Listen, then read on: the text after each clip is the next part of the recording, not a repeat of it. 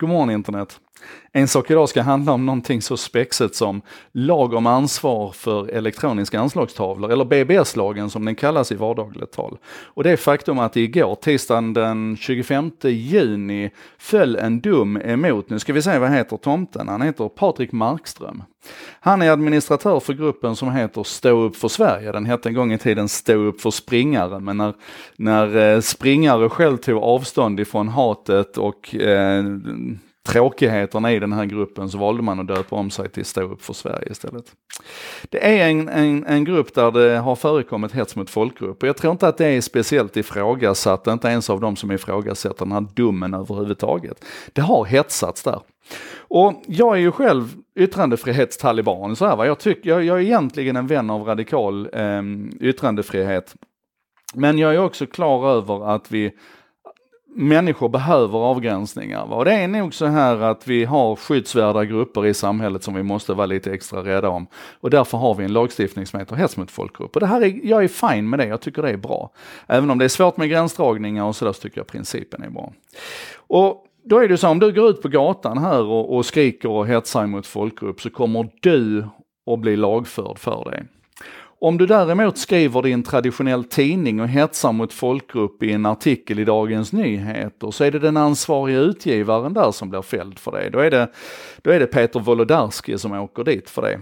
Eh, och vi har sett sådana här fall, då kallas det för tryckfrihetsbrott. 1999 var jag själv inblandad när Kalle Ljungqvist på Aftonbladet blev anklagad för tryckfrihetsbrott på grund av rasistiska, nazistiska kommentarer i det diskussionsforum som vi drev där då, en plattform som heter Webex. Det är en helt annan historia. Men han åkte dit för tryckfrihetsbrott då. Man ansåg att han hade kontroll över det här forumet och, och postas där någonting som är hets mot folkgrupp så, så är det Kalle som åker dit på det. Inte den som har postat det. Men i gränslandet mellan tryckfrihetsbrottet och att du går ut på gatan och skriker så har vi det som kallas för elektroniska anslagstavlor. En gång i tiden var, var det BBS och nu har vi då fått prövat om en Facebookgrupp kan anses vara en sån här. Och det har man då sagt att den kan vara. Och då är vi i det här gränslandet där det uppstår ett slags delat ansvar. Den som har postat det här hatiska inlägget, den som har hetsat mot folkgrupp, gör sig skyldig till ett brott. Men det gör också den administratör som ansvarar för den här plattformen. Och då är det många som säger att ja men det är ju Facebook, det är Facebook som ansvarar för den här plattformen, för den här gruppen. Men sen i den här lagen, BBS-lagen, den gör också den som har kontroll över forumet till ansvarig. Man kan säga helt enkelt så här, om du kan radera någonting i det här inlägget, om du kan, i det här forumet, om du kan påverka det som postas i det här forumet så har du också ett ansvar att på skäligt sätt och inom skälig tid och, och utifrån en massa andra sådana här skällsgrunder se till att rensa bort det.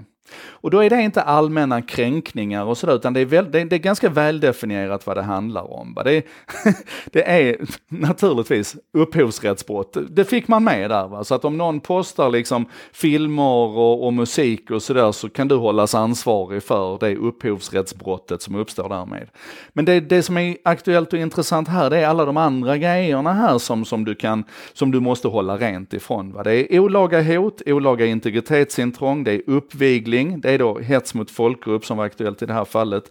Det är barnpornografibrott, det är olaga våldsskildringar och sen är det det som man tryckt in 2010 också som handlar om terrorbrott. Alltså om du, om du försöker rekrytera till terrorverksamhet och så vidare eller annan allvarlig brottslighet så ska det också plockas bort.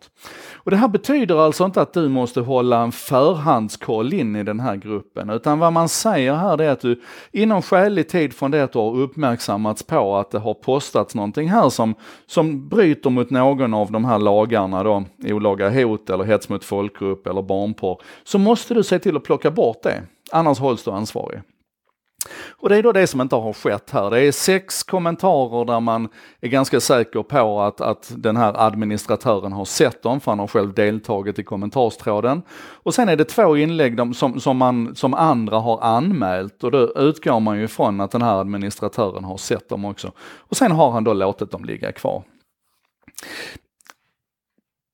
Det är grunden för det som har hänt och det är grunden för det här mellanutrymmet här mellan den enskildes ansvar och tryckfrihetsbrottet där du har en ansvarig utgivare.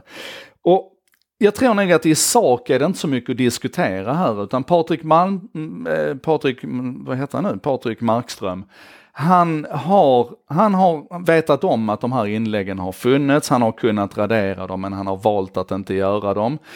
Valt att inte radera det och det är nog också helt uppenbart att de här inläggen är det som vi kallar för hets mot folkgrupp. Så så långt är det klart. Så frågan här blir ju snarare om vi ska ha det här, den här gråzonen där någon kan göras ansvarig för någon annans uttalande.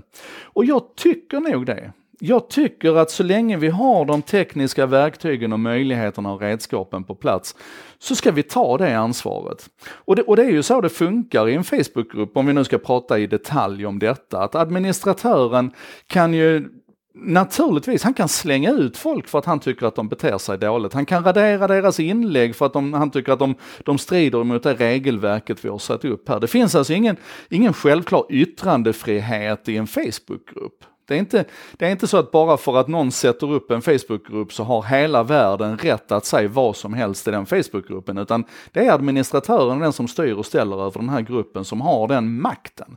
Jag blev ju själv utkastad ur digital samhällskunskap för ett tag sedan här, inte för att liksom så BBS-lagen överhuvudtaget, utan de gillade inte det jag skrev bara, så då, då åkte jag ut på huvudet. Och, och jag kunde tycka det var tråkigt, men jag kan ju inte säga någonting om det. Det är ju liksom, det är ju så grupperna funkar och det är den rättigheten och makten som en administratör administratör har när man driver en sån här grupp. Men med det tycker jag också då att det kommer ett rimligt ansvar. Jag, det, det, jag kan inte komma ifrån det. Alltså jag, jag vet att många av mina vänner som också är liksom radikala yttrandefrihetsvänner tycker att vi ska inte ha den här sortens lagstiftningar överhuvudtaget. Och det kan vi ha en diskussion om. Men om vi nu har de här lagarna, om vi nu säger att det är förbjudet att hetsa mot folkgrupp, då tycker jag det är rimligt att vi försöker utnyttja alla de positioner vi har att, att genomdriva den här lagen. Vi ska naturligtvis lagföra den enskilde, men i det här fallet med Facebookgruppen så tycker jag att det är rimligt att vi lägger en del av ansvaret på den som driver gruppen också. Sen kan man ju då diskutera Facebooks ansvar i detta och där är det väldigt svårt att juridiskt, i nuläget i alla fall, för nu börjar man diskutera den här budbärarfriheten också, va? men i nuläget så är det svårt att juridiskt sätta dit Facebook för saker som, som publiceras på deras plattform. De är så att säga för långt ifrån det ansvaret idag. Eh, och det tycker jag är gott och väl. Jag tycker vi ska hålla plattformarna så neutrala som möjligt. De, de gör ju, vi har ju pratat om det tidigare med deras transparensrapporter här, hur de arbetar mot spam och hate speech och så vidare. Och jag tycker det det, det, det, det är bra att de gör det och det kan de få fortsätta göra tycker jag då, inom ramen för sin egen process runt det här. Men att vi juridiskt skulle gå in och reglera det där, det tror jag blir tufft. Men däremot så har jag, jag, jag, tycker det finns en poäng i att vi försöker använda det här verktyget i verktygslådan också. Så tills jag blir överbevisad så måste jag säga eh, heja Eskilstuna tingsrätt för att ni, för att ni valde att döma Patrik Markström för eh, brott mot lag om eh, ansvar för elektroniska anslagstavlor.